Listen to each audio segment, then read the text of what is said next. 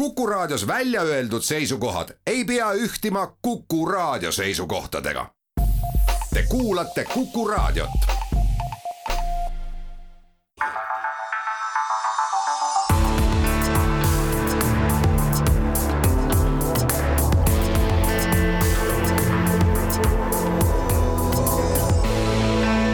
olukorrast ajakirjanduses saate nimi, nagu kuulsite, on olukorrast ajakirjanduses ja viinavabriku kõrval on kaks vanameest kohad sisse võtnud. Rein, tõepoolest sedapuhku olen ma nõus sinu selle terminoloogiaga, vanainimesed või vanamehed, sellepärast et pärast seda, kui Delfi ärileht on kirjutanud, et kuidas viiekümne üheksa aastane vanahärra leidis internetist investeerimise teemal artikli, pakuti talle maaklerile, aga pärast seda jäi ta kogu oma rahast ilma, olen ma kõigega nõus. no vot, viimaks ometi head rahvusvahelist heategevuspäeva. hakkame nüüd kõik, hakkame nüüd kõik head tegema, sellepärast ma mäletan, et Venemaa õigeusu kiriku peapatriarh ütles, et, et rikkuse mittejagamine vaeste on ikka suur patt, et loodetavasti ta siis ise annab ka oma korterid ja valdused käest ära ja meie rikkad siis täpselt samamoodi, tehke head. jah, kui keegi teile head ei tee, minge võtke õigeusu kirikust ise.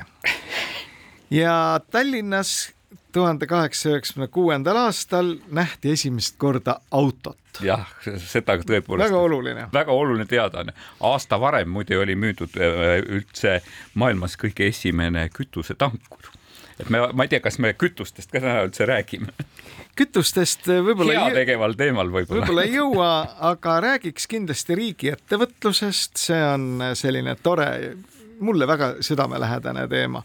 siis räägiks natukene eelmisel nädalal meie hulgast lahkunud äh, Mihhail Gorbatšovist, kes on äh, sel-, siis räägime sellest, kes on hea ja kes on halb venelane. see on nüüd Eestis lahvatanud uus ajakirjanduslik debatt ja loomulikult räägime sellest, kuidasmoodi kajastub riigieelarve koostamine meie ajakirjanduse veergudel. see on väga lõbus. no ja... see on iga, igasügisene nutulaulude oi, see on tore ja siis eh, tahaksime esitada retoorilise küsimuse kolmkümmend aastat hiljem, kus ja kelle käes on toimik kui aega jääb, räägime ka ERR-is toimunud muutustest, aga ma olen kindel, et aega ei jää. tahtsin just öelda, et annaks taevas, et meil oleks võimalikult palju aega rubriigi jaoks, sellest me täna rääkida ei jõudnudki. just, aga hakkame siit vaikselt siis arutlema selle üle, kuidasmoodi Eesti ajakirjandus käsitleb sellist lõbusat nähtust nagu riigile kuuluvad ettevõtted ja meie oleme siin nüüd küll juba mitu aastat järjest kogu aeg targutanud nii lipsuga kui ilma lipsuta ja küll küüniliselt ja vähem küüniliselt sellest, et äkki peaks Eesti ajakirjandus ikkagi need nii-öelda riigiettevõtted võtma teravdatud tähelepanu alla. et see on lõppkokkuvõttes ju riigivara ja riigivara on kaudselt ju kõigi maksumaksjate vara ja ja meid maksumaksjatena meie inimesi peaks teoreetiliselt ju huvitama see, mida meie varadega peale hakatakse ja kes neid kamandab ja mismoodi kamandab. aga ikka tuleb siit ja sealt lõbusaid lugusid välja, et küll meie rahvuslik lennufirma, mis omal ajal, kui ta nüüd uue nimetuse sai ja luba, uued lubadused välja käidi, siis palgati sinna surematu nelik kuupalgaga üheksa tuhat kuussada eurot kuus, mis muide on ikkagi vähem kui RMK-l. ma just tahtsin öelda, Rein, et sa, et sa räägid, et sa räägid riigikapitalismist, aga, aga ma ei teagi, et kummas, kumb kõlas möödunud nädala ajakirjandusest kõlavamalt vastu, et kas need lood riigikapitalismi no ütleme pehmelt öeldes ebaõnnestumistest, eks ju, või siis lugu RMK uue juhi palgast, eks ju, mis, mis nagu tundus ka, et kukkus viljakasse pinnasesse, et, et oli seal ka poliitikuid, kes ütlesid, et oi, milline üllatus on see, et, et äh, ühe riigiettevõtte nõukogu võib määrata oma juhile sellise palga, et, et ta ei pea seda kellegagi kooskõlastama, et äh, seesama meie rahvaköis las lohiseb jah. et ma isegi ei tea, et kas see number käidi välja selleks, et summutada seda, sedasama skandaali, mis oli Eesti Ekspressis, mis puudutas sellest, kuidas riik salaja operali Ukrainas olevaid vaguneid, vaguneid ja, ja muud veerev koosseis on hakanud nagu maha müüma, sest tundub, et äri on kõrbenud riigikapitalistiks. see on sul väga hea tähelepanek, et ühesõnaga oli vaja määrata selline palk RMK peadirektorile et summutada see, et Operail müüb naelu. ei, ma päris, ei ma päris seda ei julge öelda, et, et, et summutada, vaid et ma ei tea, kumb kajas kõvemini.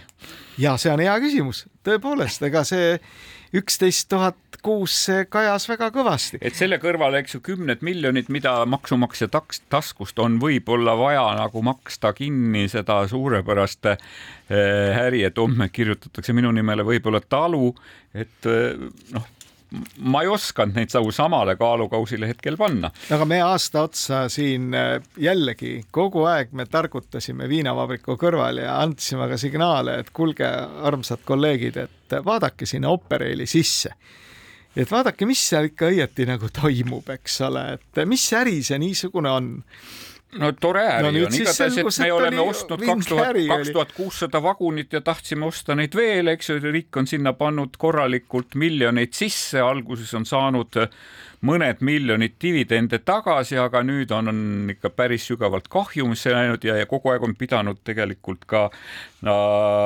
tegelikult on suurenenud ka selle firma siis see rendi- ja võlakohustused, et nii, et need ühel hetkel juhtub, et meil neid vaguneid ei ole, olgu need siis kas äh, odava hinnaga maha müüdud või sõjaliseks otstarbeks rekvireeritud, eks ju niimoodi.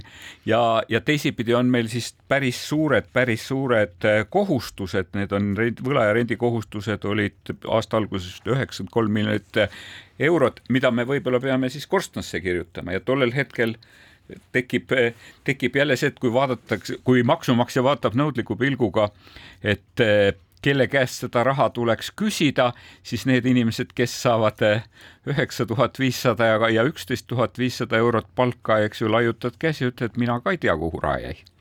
Mina ei ole mitte iialgi aru saanud, et eh, milleks Eesti riigile oli seda Operaili vaja tekitada üldse, aga ta tekitati ja no ütleme, et aeg oli raske siis, gängsterid, vaesus, kriis. aga tehti ta ju selle loogikaga, et kuna venelastel ei olnud piisavalt vaguneid, et oma toorainet ja, ja muid kaupu vedada siis Lääne-Euroopa poole, sealhulgas muide naaberriiki Soome, siis siinsed taibud taipasid, et aga mis oleks, kui liisiks vaguneid tootjatelt ja paneks need vagunid õige vurama Venemaa avarustes ja nende eest makstakse, nende vagunite opereerimise eest ja peale liisingmaksete äramaksmist jääb vat meilegi midagi ja nüüd siis elementaarne loogika, ma mäletan, Villu Reiljan oli kunagi see mees, kes riigi rahaga börsil käis, ütles, et aga noh, ma tulin ju kasumiga välja. niisama on selle Operailiga. et tegelikult oli see ju kasumlik äri riik sai vist isegi mingisugusel hetkel natukene dividendi. aga juba see tol hetkel oli ju püsti see küsimus, aga mis siis saab, kui see konjunktuur muutub või juhtub midagi, et see varad on ju kuskil Venemaal, neid, kuidas need kätte saadakse kuidas, mis sellega asjaga üldse juhtub? olgem ausad, et see kõik on juhtunud pärast kahe tuhande neljateistkümnendat aastat, olgem kõik ausad. sellel peale... hetkel, kus me oleme rääkinud, suuresõnaliselt oleme ju tegelikult rääkinud sellest, et kuidas me toetame Ukrainat, eks ju, kuidas on Venemaale kehtestatud majandussanktsioonid, kägistame neid, kuni nad Krimmi tagasi annavad ja nii edasi ja nii edasi, eks ju. et selle koha pealt minu jaoks on, et praegu peaks nagu vaatama ühtepidi majanduslikku otsust, teisipidi ka poliitilist otsust, et, et, et sellel poliitiliselgi otsusel seda seda äri teha, peaks olema teatud vastutaja. ei no absoluutselt, see on tuletame veel kord meelde, et kõik need õnnetud liisingfirmad, kes äh, tegid venelastega kaupa ja, ja lii, aitasid liisida Vene lennufirmadel lennukeid, kõik jäid ju kõigest ilma, eks ole, sest et venelased võtsid need lennukid lihtsalt ära ja ütlesid, et vaadake ise, kuidas saate ja see kahju oli ju kokku mingisugune miljard ja Hendrik Hololei, meie hea sõber, eks ole, kõrge Euroopa Liidu ametnik, tegeleb põhiliselt sellega, et ajab neid lennukeid mööda maailma taga ja on isegi mõne kätte saanud. nüüd ma arvan, et mitte keegi suurtest institutsioonidest ei hakka abistama seda väikest kioski, mille nimi on Operail oma vagunite tagaajamisel kuskil Venemaa avarustes. ja mis juhtus, oligi see, et nüüd on see äri olematu, varad läinud kuidagimoodi peaks püsti, ma ei olnud muide väga tükk aega tagasi, kui Operaili seltsimehed teatasid Aktuaalses Kaameras otse kaamerasse, et aeg on raske nüüd, gängsterid, vaesus, kriis ja maksumaksja peab toetama neid palga maksmisel siis nüüd üritatakse müüa ettevõtte varasid ja seda üritatakse ka teha kuidagimoodi sahker-mahker.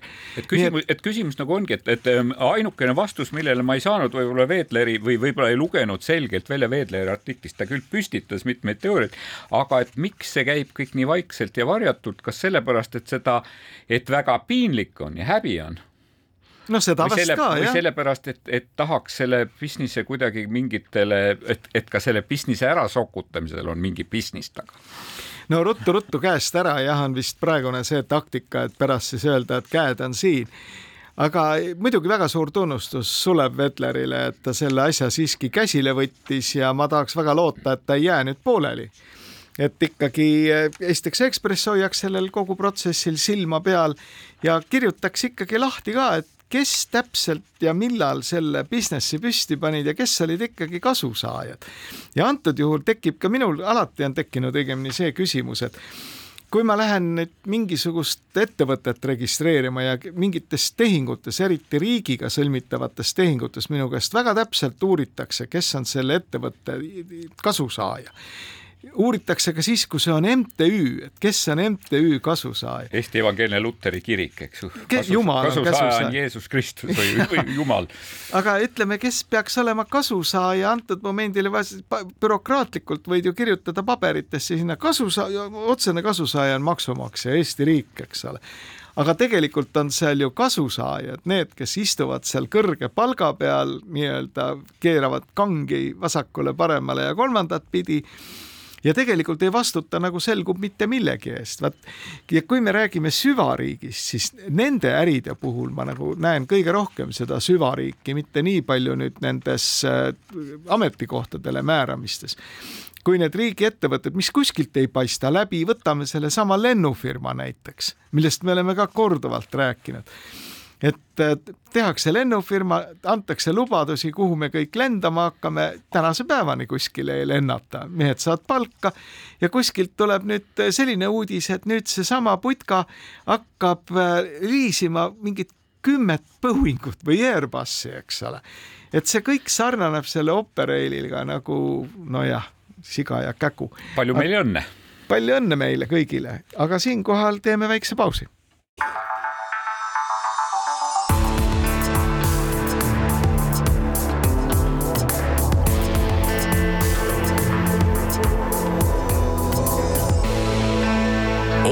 olukorrast ajakirjanduses.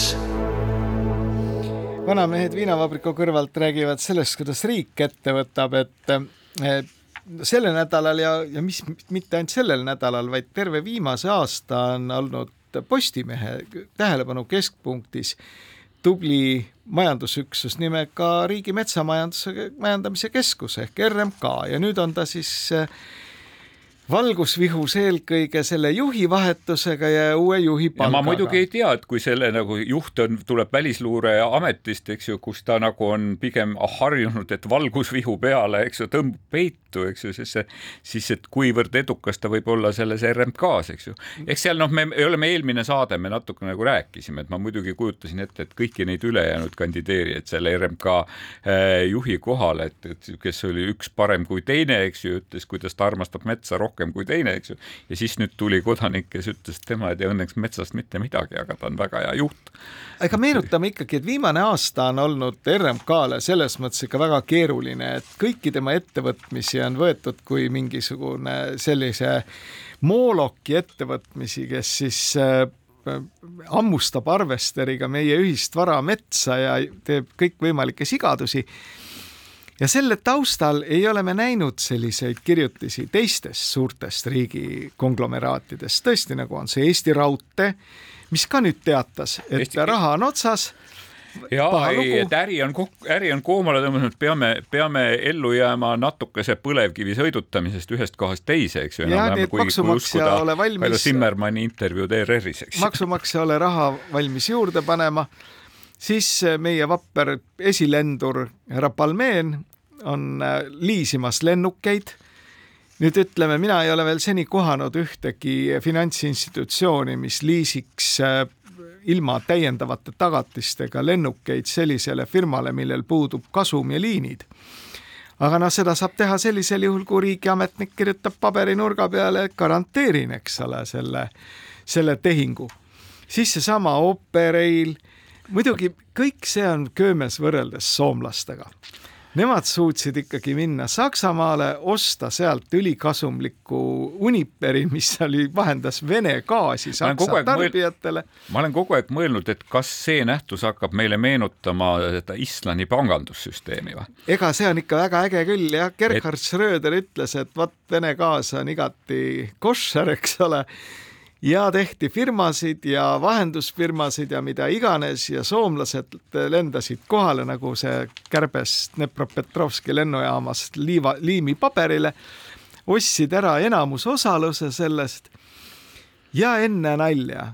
Ainult kaheksa miljardit kahjumit, eks ole, nii et see kõik siis kajastub ka Soome Fortumi bilansis täna ja Soome valitsus peab nüüd siis otsustama, mida kuradit ta selle situatsiooniga teeb, sest temale kuulub sellest firmast märkimisväärne osalus nii et võrreldes muidugi jah, ütleme eestlaste vägitükkidega on soomlased ikka sellised äh, mägede poisid. oleks nagu soovitus võib-olla Eesti ajakirjandusel korraks sinna Soome poole pilku heita ja vaadata ja, ja, ja korraks tajuda seda ühiskondlikku temperatuuri selle küsimuse ümber. mina tahan ise soovitada küll, et möödunud nädalast, et kui mäletad, et küllaltki palju kirgi oli, oli seoses selle niinimetatud naftaäri nimekirjaga ehk et Välisministeerium avaldas ettevõtted, kes soovisid Venemaaga naftaäri jätkumist. sellele järgnes suure osa ettevõtjate hädakisa ja hala ja ma mäletan, et tänu sellele sain minagi Alexela kliendina sain endale infokirja, kus seda seletati ja lõpus lubati mulle ka bensiini miinus kümme eh, senti liiter tänutäheks, et ma selle olen luba lu, läbi lugenud. kas sina said aru, millega tegu oli, eks ju niimoodi ja kuhu see asi nagu jõuab ühel hetkel? et mina vaatasin, ega ma nagu palju aru ei saanud, ma lugesin väga palju peeni sõnu pressiteadetest, hästi sõnastatud või väga hoolikalt sõnastatud pressiteadetest. Ütles, kus öeldi, et kus ei öeldud sõnaselgelt, et me ei too Venemaalt mitte midagi, meil ei ole Venemaaga mingisugust asja, me Eesti turule ei paku bensiini ja diislikütust ja väga hoolikalt sõnastatud asjad, et kus see koer tegelikult maetud on. siin tundus ka, et riigiametid olid äh, pärast kuidagi nagu hoolikalt sõnastatud, et kas mõni ajakirjanik seletaks mulle selle asja ära, et kas siin on tegu ikkagi sellega, et, et minu meelest kevadel siin, juba kevadel Eesti Päevaleht vist kirjutas loo kogu sellest tankeri ärist, et kuidas, kuidas, et huvitav, et, et keegi Eestis Vene kütusega nagu suurt ei tegele, aga tankerid saalivad edasi-tagasi, eks ju, tihedamini kui kunagi varem. isegi seesama statistika, mida Venemaa pool näitab siiapoole, näitab Eestit nagu väga ütleme niimoodi väga tubli äripartnerina, eks ju, et, et kuhu see kütus siis liigub, kes sellest siis lõplikult kasu saab ja, ja on see siis niinimetatud Läti kütus või see tähendab siis, et kütus, eh, kus segamise teel püütakse selle päritolu var varjata, et kas mõni ajakirjanik mulle kui lapsele selle ära seletaks? ei, kui sa küsid, kas mina aru sain, ei saanud, ega jah, oligi väga segane oli see värk, et kui ma lugesin seda kõike, et see tõi mulle meelde tõesti vana sõjaväekaaslasega veel enne, enne, enne sõja puhkemist öö, oleme telefoni teel rääkinud, kes ajab Venemaal äri ja kes nagu kirjeldas sank toonaste sanktsioonide mõju, ütles, et, et paberitööd on hästi palju juurde tulnud, eks ju, tähendab kõikvõimalikku koodi, kaubakoodidega mängimist. Ja me mäletame, et kevadel meil mingisugune kaubakoodidega ja kütusega seotud äh, kerge virvendus vist ajakirjandusest ka läbi käis. Ja aga me peame siin ühte asja ikkagi ka raadiokuulajatele täpsustama, et ega Vene nafta toimetamine Euroopa Liitu ei ole täna keelatud see, et lõplik keeld jõustub, kui ma õigesti mäletan, siis neljandal detsembril ja. ja veel teatud eh, naftatoodetele veelgi hiljem, kuskil kahekümne kolmandal aastal. Nii et see on, ei ole midagi jah, ebaseaduslikku. ebaseaduslikku ei ole, küll aga on seal teatav moraalne aspekt, eetiline aspekt ja tegelikult sellele ka rõhuti siin vist suhteliselt kõikides pressiteadetes, et et te võite kindlad olla, et meie bensiini ostes te ei rahasta Putini sõjamasinat. aga siia ongi see koer maetud ja see on nüüd ajakirjanduse roll sellega, ei maksa igalt poolt otsida seaduse rikkumist, aga noh, kui kõik kinnitavad, kõik mehed ütlevad, et nemad toetavad Ukrainat ja Vene sõjamasinat ei määri oma dollaritega, siis on ajakirjanduse asi vaadata, kas see ka tegelikult nii on. ja noh, antud juhul on see suurepärane võimalus. minu meelest see Välisministeeriumi käik see, see nimekiri välja tuua, sõltumata sellest, kas need firmad on nüüd tegelikult ostnud midagi Venemaalt otse või kaude või mida iganes, oli üsna jesuiitlik aga samal hetkel see meenutas, see meenutas mulle kunagi ühte, ühtegi prokuratuuri sammu, mäletad, et kus äh, ühed materjalid olid, mis puudutasid ühte kilekotti ja ei vaata, aga ega see ongi seesama, mida ka Reinsalu ütles ühes intervjuus et ega kui keegi tahab ennast sellest nimekirjast välja võtta, selle erandi puhul me teeme seda kohe, kui me vastava taotluse saame. aga et äh, Eesti inimestel on õigus teada, kes millega tegeleb, eks ole, nii et aga tänases Postimehes oli tõepoolest väga hea ümberlükkamine, et vaat selles nimekirjas oli ka seesama Vapper Operail, kes vaguniäri teeb ja sealne juht andis küll väga resoluutselt teada, et nemad ei müü ega ei osta naftat et kõik on täielik jama. nii et vaat kus lops, tõepoolest, nad ei osta ega müü naftat. Nii et eh, jääme huviga ootama, kas ka see asi saab mingisuguse täienduse ja, ja, ja jätku et mis on pahatihti minu arvates Eesti ajakirjanduse suur probleem on, et mingi asi tuuakse avalikkuse ette, isegi väga hästi, nagu see Vedleri kirjutis sellest operelist on minu meelest ikka ajakirjanduslikult väga tähelepanuväärne ja hea töö aga et see ei tohi sinna kohta ära surra, sest seal oli väga palju lahtisi otsi. Ja minu meelest Toomsalu ja teised seltsimehed, kes on aastaid tegelikult nautinud seda kasusaaja rolli, nüüd võlgnevad nagu väikese seletuse, eks ole. nii nagu need Fortumi endised juhid, kes tänaseks on firmast lahkunud, võlgnevad tegelikult ju seletuse Soome üldsusele, et kuidas nüüd ikka see kaheksa miljardit kahjumit tekitati. kena, aga teeme siinkohal väikese pausi ja, ja siis räägime headest ja halbadest venelastest.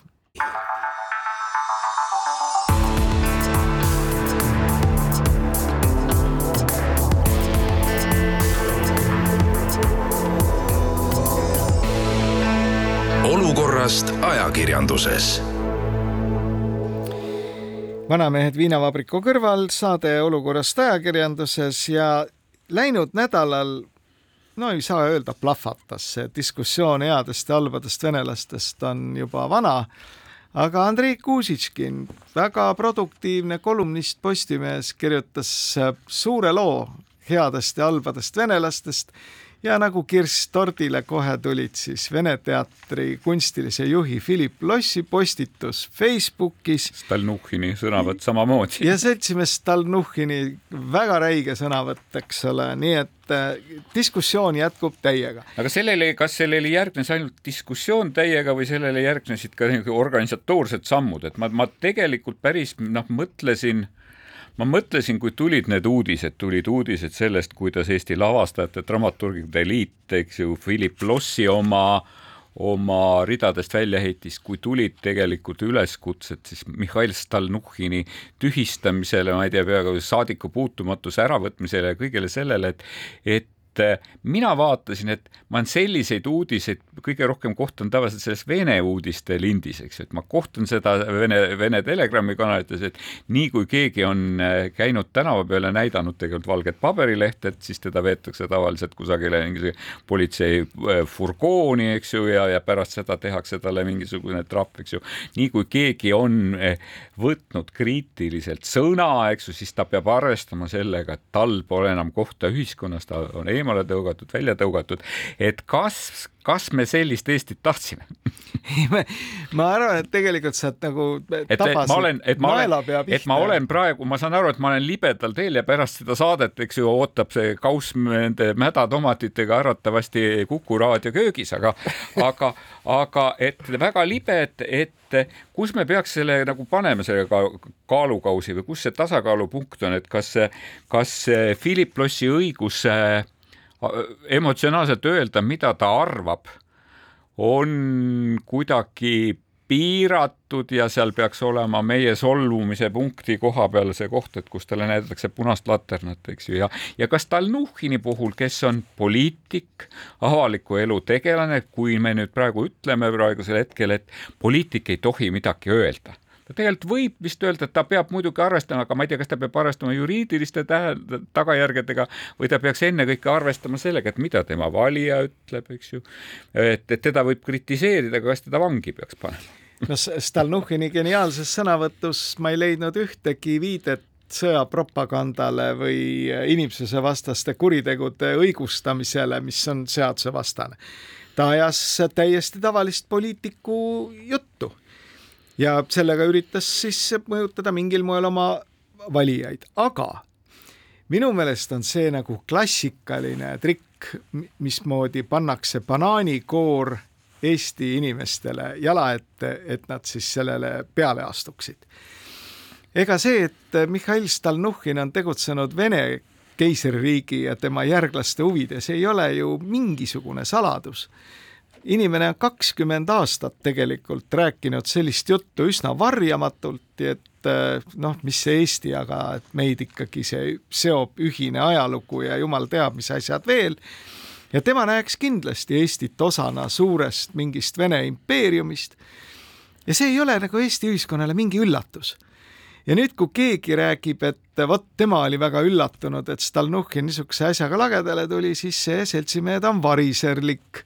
see ei saa tulla üllatusena ka keskerakondlastele mitte ja nüüd see, kui, kui ajakirjanikud panevad Ratasele ja teistele keskerakondlastele mikrofoni nina alla ja küsivad nõudlikus toonis, et rääkige nüüd ja kohe mida te selle mehega mida te kavatsete teha või, või et, et veel parem, et millal te ta enda keskelt välja heidate. eks ju. eks ju, et sellisel juhul tõepoolest, et seda tulemust mulle tundub, et oodataksegi seda tulemust, ma tõesti ootan nendest samustel Vene, Vene meedia, niinimetatud meediaväljaannetel või no ütleme riiklikule propagandale anda seda, seda kangi kätte no aga täpselt. et, et see on muidugi päris lühinägelik. see on see koht, kus venelased saavad öelda, et aga mis te õiendate, te teete ju täpselt samasuguseid asju, mida meie omaenda rahvuslikes huvides. aga Rein, aga no mida siis peaks tegema, sest et no ütleme niimoodi, et väga solvavalt öeldi, eks ju. ega Mihhail Stalnuhhin saab riigi käest poliitikuna palka ja temal on palga sees on sõimata saamine, nii et see, et teda, et teda sõimatakse, võib, ei ole niimoodi. mingi probleem ja kas teda nüüd peab hakkama represseerima, nagu on üleskutsed. nagu siis see on juba väga kahe otsaga asi. ja või ka nagu, no ma ei tea isegi, aga, aga, aga ütleme siis tegelikult ikkagi Philip Lossi väljaheitmine. ega ja ega Philip Loss, eks ole, kui ta ka purtsatas mingisuguse sellise omaenda sisemusest selle vastikustunde riigi vastu, kus ta elab ja saab vabalt töötada, palun väga ega ei pea töötama Vene Draamateatris, sugugi ei pea aga miks peab ta lavastajana lavastajate ühingust välja viskama, sellest ma väga täpselt aru ei saa. nii et lõppkokkuvõttes me oleme ju uhked selle üle, et meie riigis on sõnavabadus igaüks võib omada maailmavaadet, vabalt levitada informatsiooni. ka veendumiste vabadus, ütleksin mingis mõttes. jah, kui keegi arvab, et Eesti valitsuses on natsid, no las ta arvab, ega kui me hakkame neid inimesi pokri panema neljakümne kaheksaks tunniks, siis me ju muutume täpselt samasugusteks nagu Putini režiim. ja see on ju venelaste eesmärk tegelikult näidata, et selles ei ole midagi eriskummalist, mida nemad teevad parajasti, vaid seda tehakse ka selles nende, nende poolt sõimatud lääne ühiskonnas. see on puhas propaganda.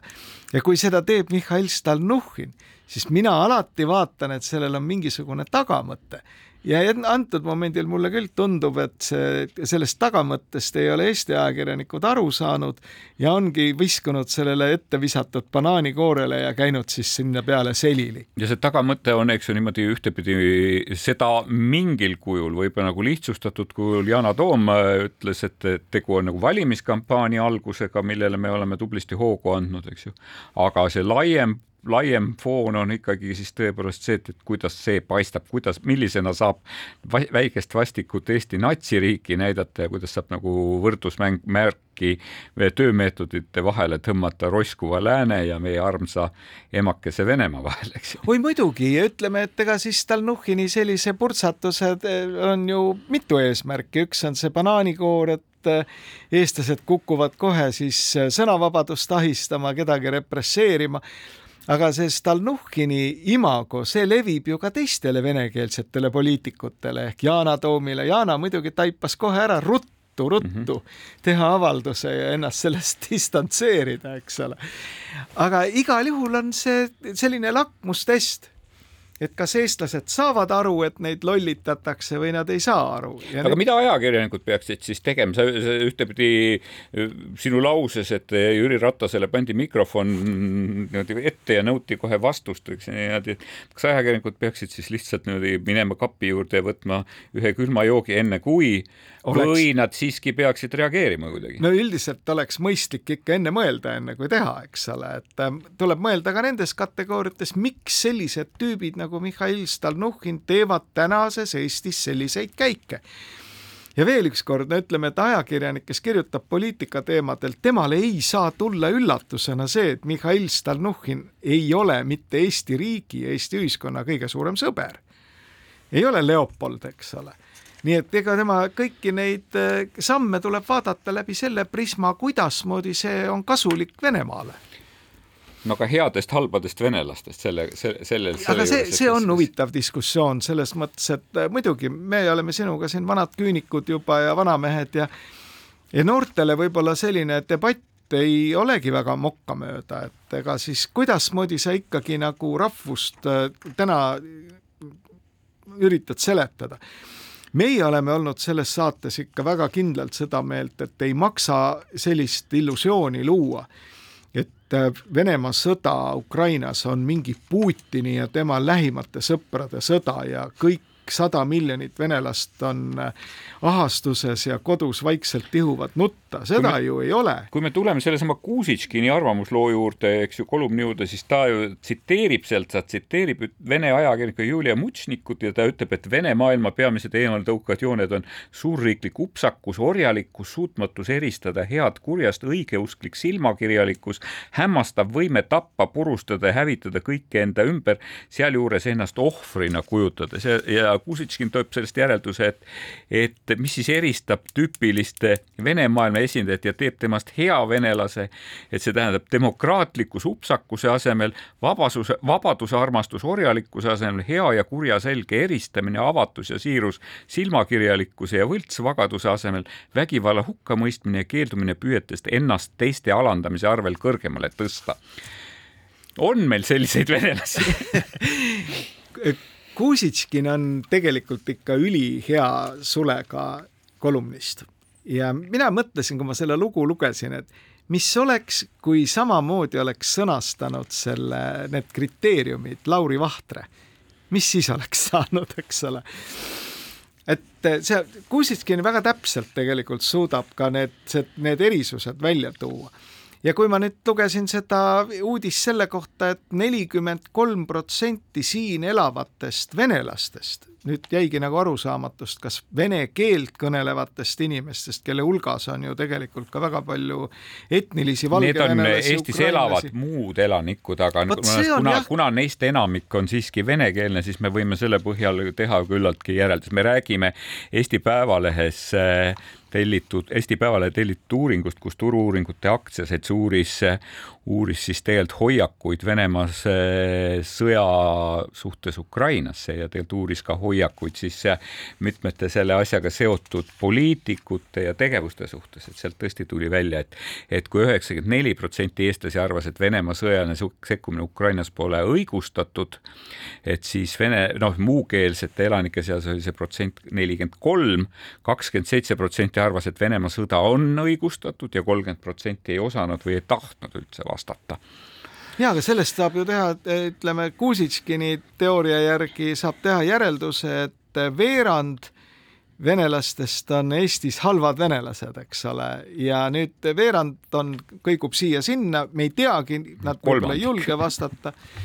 ja siis noh, ligemale pool, eks ole, on või noh, natuke allapoole siiski, kolmandik kindlasti on siis, siis head, eks ole ja minu arvates on see suurepärane tulemus. no seal muidugi, et eh, selles uuringus oli veel uuriti näiteks, et suhtumine Kaja Kallasesse, peaministrisse, kas teda usaldatakse või mitte, sellist eestlastest viiskümmend seitse protsenti usaldab, kolmkümmend üheksa ei usalda. venelaste puhul on seal seitseteist protsenti usaldab ja kuuskümmend viis ei usalda. teeme siinkohal väikse pausi ka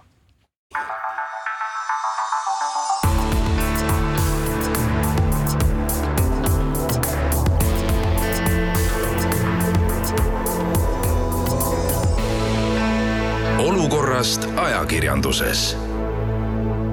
saade Olukorrast ajakirjandusest läheb eetrisse Viinavabriku kõrvalt.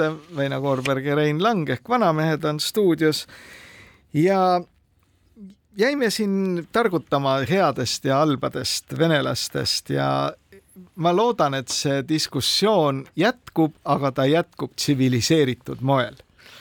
et väga palju on tegelikult tänases õhustikus sellist võimalust, et minnakse siit ja sealtpoolt väga selgelt üle piiri.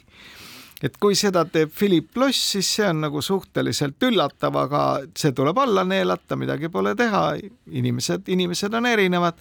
kui seda teeb Mihhail Stalnuhhin, siis lugupeetud kolleegid ja, ja ajakirjanikud, ärge laske ennast vedada sealt, kust vahel veetakse seda kindlasti. Ja mis puudutab nende heade, heade venelaste kasvatamisse, siis, siis tegelikult selles samas uuringuski räägiti seda, et, et siin aitab ikkagi ka meedial on oma roll, et, et siin nende nii-öelda heade venelaste kasvatamisel on oma osa olnud Eesti venekeelsel meedial, et muidugi häda on selles, et ei ole väga tugevat venekeelset meediakanalit, et venelastel ei ole sellist kanalit, millega ennast identifitseerida, ütlevad, ütlevad meediauurijad, et noh, nii nagu meil see õhtu õhtune palvetund Aktuaalse kaameraga on, et eks ju, kus sa saad usukinnitust, et Eesti on olemas ja Eesti on õige, eks ju, niimoodi, et, et venelastel seda ei ole, küll aga tegelikult need venekeelsed Raadio neli, eks ju, ETV Pluss, nüüd ka lisandunud venekeelne Postimees, et need on nagu natukene aidanud seda, seda infomonopoli murendada ja natuke tõmmata neid venelasi ära sealt sellest et, idanaabri mõjusfäärist, et võib-olla nagu seegi aitab midagi kaasa. no täna tuli ka uudis, et Aktuaalne kaamera hakkab eetrisse minema ETV esimesel ja teisel kanalil samaaegselt Eh, see on omapärane, aga kuna meil ei jää aega ERR-i teemadele täna, siis jätame selle tulema. nojah, tele, teleuudistest võib-olla lihtsalt Vene teles tuli see uudis, et, et Venemaa esimene kanal, kes on tegelikult, kelle vaadatavus, eelmine saade me rääkisime, on koledasti vähenenud, andis siis kanali juhi Konstantin Ersti suu läbi e, e, teada, et nüüd nad toovad meelelahutuse Venemaa televisiooni tagasi. et oht on õhus, eks ju, sellepärast et kui me mäletame, kui sõda puhkes, eks ju, siis tegelikult venelased siin suurtes kanalites pommitati, et, et neid, nende propagandasaadetega, et minu meelest kas kolme suure kanali peale tuli poolteist ööpäeva jagu iga ööpäev neid propagandasaateid kolme kanali peale, kujutage ette. et sealt nagu kõik meelelahutus söödi välja, siis nüüd on lubatud, et kuna teleka vaadatavus koledasti langeb, televisioon on jäänud Telegrami kanalitele alla, siis nüüd toome meelelahutuse tagasi et meie memmed ei lase, ei siis oma Android seadmeid jälle liiga kuumaks ei kütaks.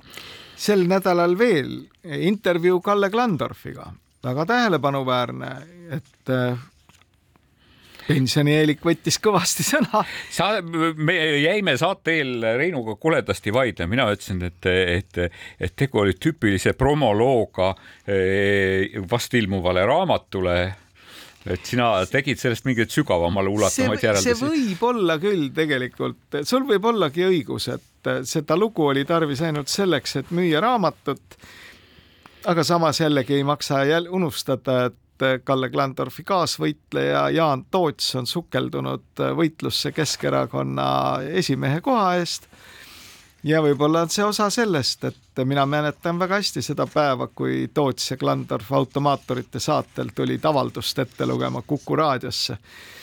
ja no Kalle puhul lihtsalt see, sellest intervjuust tuleb ju välja ainult selline kandev narratiiv on, et kuskil on toimik ja ma ei ütle, kus ja kelle käes see toimik on, eks ole nii et ma väga loodan, et tegelikult eelolevad valimised ja järgnevad protsessid ka Keskerakonnas ei lähe nüüd nagu selle asja peale, et kus on toimik ja, ja kelle käes ta parajasti on. aga läinud nädalal lahkus meie hulgast Mihhail Gorbatšov, tähelepanuväärne rahvusvahelise tähtsusega poliitikategelane. see, kui palju on Venemaa tegelikult muutunud üsna lühikese ajaga see ju, sellest andis tunnistust see kaader, kuidasmoodi Venemaa president käis ja viis pundi nelke Gorbatšovi kirstu juurde roosid, ja ei osa, ja ei osalenud need tema matust. Need olid roosid ja, ja kusagil, roosid, sa, kusagil sama haigla teises otsas samal ajal Lukoili direktorite nõukogu juht kukkus suitsetades rõduaknalt alla, nagu me mäletame. see on jah huvitav, et Venemaal muide ka peale seda kuulsat augustiputši hakkas ju tekkima suures ulatuses üllatusi. pärast augustiputši jah, selgub, et kommunistliku partei varahoidjad põhiliselt hakkasid eh, rõdudel libas, sõitsu tehes libastuma ja hakkasid sealt akendest alla kukkuma, et nüüd sedasama juhtub Venemaa kütusega. mina ei tea, miks Gorbatšovi... venemeelsed aknalaudu vaseliiniga määrivad. Gorbatšovi puhul oli selles mõttes küllaltki tähelepanuväärne oli see, et, et kui vaadata lääne ajakirjandust, siis seal oli tõepoolest neid, neid no isegi peaks ütlema, kas nüüd jumaldavaid, aga,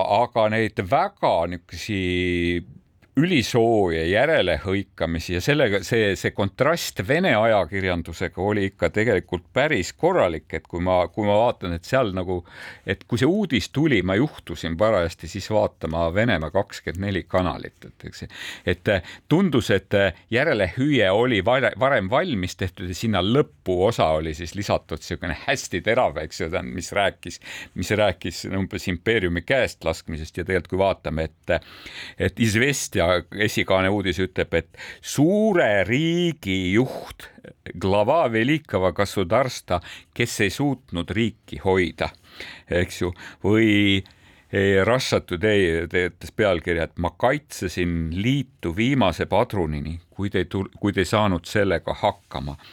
ja Komsomolskaja Pravda ütleb, et Nõukogude Liidu neli hauakaevajat surid kahe tuhande kahekümne teisel aastal.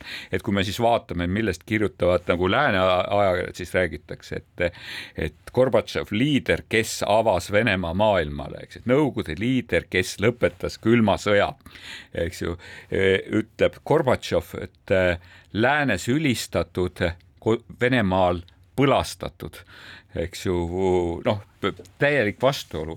Ja väga selgelt oli näha, kuidas, kuidas nagu Vene kanalid nagu, nagu üksmeelselt kõigepealt võtsid selle kõige mustema tooni või nagu kõige kriitilisema tooni. Pärast seda, kui järgnes eh, Venemaa presidendi no küllaltki vaoshoitud, kuid mm, napisõnaline kaastundeavaldus, tõmmati seda tooni korralikult tagasi ja siis, kui lilled, need seesama punane kimp lille, lilli oli Venemaa keskhaiglas, eks ju, niimoodi Gorbatšovi kõrvale asetatud, pärast seda võeti uuesti jälle see räige toon nagu endale, et see oli väga silmatorkav ja see on ikkagi väga põhimõtteline muutus, kui me mäletame seda, vanemad mehed mäletavad Gorbatšovi aega, et eks seal oli väga palju koomilist kõiges selles perestroikas ja glasnostis ja ja lõppkokkuvõttes ei suutnud ju Moskva ikkagi aru saada, et et äh, majanduslikud muutused olid need, mis tegelikult panid Nõukogude Liidu tähesõdade, Reagani tähesõdade ja, programm, eks ju, oli see, mis Kreml, küüniliselt öeldes, et mis oleks juhtunud, kui Kreml oleks tegelikult muutnud majanduspoliitikat. aga väga et..., aga no kui me mõtleme Gorbatšovi peale, ma ei, ma ei taha teda nagu suure üldistusjõuga öelda, minu meelest sellest äh, Edward Lukas on väga hästi selle sõnastanud, et, et ta lammutas Punaimpeeriumi juhuslikult, et ärme vaatame teda kui nagu mingisugust tohutut uuendusmeelset, vaid et, vaid et ta oli ikkagi, ta, ta püüdis hoida olemasolevat süsteemi, mis tegelikult enam koos ei püsinud, eks niimoodi. et jah, see on nagu sellisena, et sellise, et sellisena seda vaadata, et, et no see lõpp oli mingis mõttes natukene ka, ma ei tea, kas just traagiline, aga ma vaatasin äh, Gorbatšovi matuse ülekannet ja seal tegelikult oli vist Novaja Gazeta, ta oli ka üks Novaja Gazeta asutajatest. Novaja Gazeta poliitkommentaator kirjeldas Gorbatšovi kodu ja ütles, et vot tema oli see, et kes ei varastanud endale losse kokku ja varandust, eks ju, et kas te kujutate ette, et ta elas riigikorteris, eks ju, tähendab riigi mööbli peal, et, et te elaksite kolmkümmend aastat pärast, eks ju, presidendi ametist lahkunud tooli peal, kus on nagu see eh, registreerimisnumber, eks ju, peale löödud, eks ju. ja ma mõtlesin, et ma ei tea, et, et ega see kujund nüüd ei jätnud temast kui tagasihoidlikust inimest, see jättis mu mulje inimesest, kes oli harjunud riigi kulul elama võib-olla tähendab ja ei vajanudki oma tooli. ma arvan, et Eesti Eestis ei läinud see asi nagu väga üle piiri, see ei läinud üle, ma, ma, ma isegi, aga Leedus läks. ma isegi mõtlesin sellepärast sellel hetkel, kui Leedu eh, kõrged riigitegelased hakkasid eh,, tegelikult võtsid väga selge seisukoha, Gorbatšov kurjategija, eks ju niimoodi, et see läks nii väga ühte ühte äm-, ma ei tea, kas ämbrisse, ühte, ühte vakku nende Venemaa selle ametliku joonega, kuigi ma arvatavasti see ei olnud nagu soov aga siinkohal peame tõdema, et saateaeg on läbi ja me mõtlesime kaua, mille, missuguse muusikapalaga me võiksime lõpetada. me lõpetame kõigepealt äsja välisagendiks tunnistatud Andrei Makarevitš mängib kitarri ja ja tegelikult laulab siis laulab. Mihhail Gorbatšov, eks ju, ta salvestas kahe tuhande üheksandal aastal terve plaadi Laulud Raissale. see plaat ühes eksemplaris müüdi saja tuhande naela eest Londonis oksjonil ja üks laul sellest siis, vanad kirjad ongi sellest plaadist.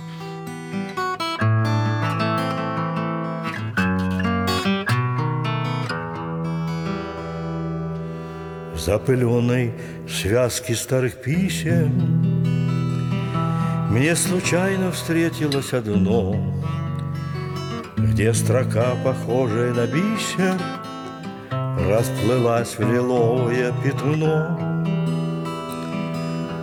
Что же мы тогда не поделили, Разорвав любви живую нить? И зачем листкам под слоем пыли Счастье наше отдали хранить? Хранят так много дорогого. Чуть пожелтевшие листы Как будто все вернулось снова Как будто вновь со мною ты. Все давно прочитаны страницы Только я не знаю почему. Сердце, словно раненая птица Тянется к измятому письму и как будто позабыв разлады, Ты мне улыбаешься опять. Почему? Нет, никогда не надо Письма наши старые читать. Храня так много дорогого, Чуть пожелтевшие листы, Как будто все вернулось снова, Как будто вновь со мною ты, как будто все вернулось снова, как будто вновь со мною ты.